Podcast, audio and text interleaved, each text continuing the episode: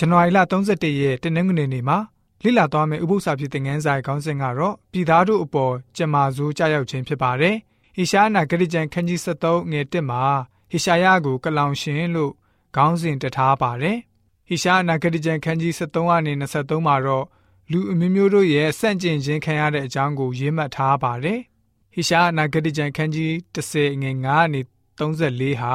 အာရှုရိစန့်ကျင်မှုကြောင့်တရားစီရင်ခံရတဲ့အကြောင်းကိုကြေညာပါတယ်။အဲ့ဒီအနေရဟာဟေရှာယရဲ့အချိန်မှာအလွန်ကြီးကျယ်တဲ့အနေရဖြစ်ပါတယ်။ဟေရှာနာဂတိကျန်ခန်းကြီး14ငွေ24ကနေ29အရာဖျားရှင်ဟာအာရှုရိကိုတားဆီးချိုးနှိမ်မှုအကြံစီရှိခဲ့တဲ့အကြောင်းအတူချုပ်ဖော်ပြထားပါတယ်။ဟေရှာနာဂတိကျန်ခန်းကြီး73ကနေ23မှာအခြားကြောက်လန့်စရာတွေမှာဘာဗလုန်ဟာလည်းပဲအထူးအရေးကြီးလာပါတယ်။ရှေးရင်ကျင်းမှုဒလိနဲ့ ဘာသာရေးဖုံးလွှမ်းပြီးတော့နိုင်ငံရေးနီးနဲ့နောက်ဆုံးမှာယူဒပြည်ကိုဘာဗလုန်တိုင်းပြည်ကသိမ်းယူသွားခဲ့ပါတယ်။သို့တော်လူရဲ့အမြင်ကတော့ဟေရှာယရဲ့အချိန်ခါမှာဘာဗလုန်ဟာထာဝရဘုရားရဲ့လူမျိုးတွေကို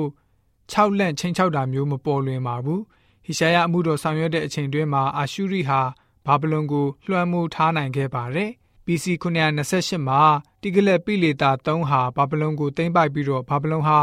ပုလမင်းရဲ့ပလင်အောက်မှာရှိနေကြောင်းကြွေးကြော်ခဲ့ပါတယ်။အာရှုရိဟာဘာဗလုန်ကိုအကြိမ်များစွာတိုက်ခိုက်သိမ်းယူခဲ့ဘူးပါတယ်။ဘလို့ပဲဖြစ်စေဘာဗလုန်ဟာတကူအင်အားကြီးမားတဲ့တိုင်းပြည်ဖြစ်လာပြီးတော့ယူဒနိုင်ငံကိုဖျက်ဆီးနိုင်ခဲ့ပါတယ်။ဖျားရှင်ဆိုလို့ရှိရင်ဘာကြောင့်အဲ့လိုမျိုးခွင့်ပြုတော်မူခဲ့တာလဲ။ဒါမှမဟုတ်ဘာကြောင့်အဲ့လိုခွင့်ပေးရတာလဲ။အပြစ်မရှိတဲ့သူတွေဟာလည်းပဲဒုက္ခခံခဲ့ကြရပါတယ်။ ဟိရှာနဂတိကျန်ခန်းကြီး73တခုလုံးကိုဖလိုက်တဲ့အခါမှာမေတ္တာတော်နဲ့ပြည့်ဝတဲ့ဖျားရှင်ဟာအပြည့်ရဲ့ဆိုးရုပ်မှုအတွက်ဘယ်လိုမျိုးတုတ်ပြန်တော်မူ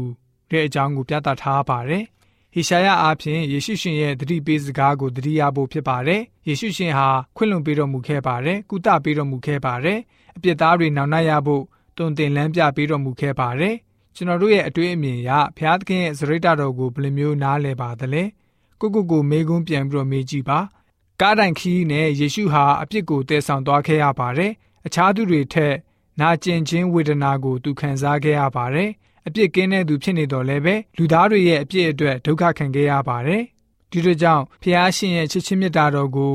မှားယွင်းစွာနားလည်တာမျိုးမဖြစ်စေဘဲနဲ့ဖျားရှင်ကကျွန်တော်တို့ကိုအသက်ပေးချစ်ခဲ့တယ်ဆိုတာကိုသိစေဖို့အတွက်တနင်္ဂနွေနေ့ဥပုသ္စာဖြစ်တဲ့ငန်းစာကဖော်ပြထားပါတယ်။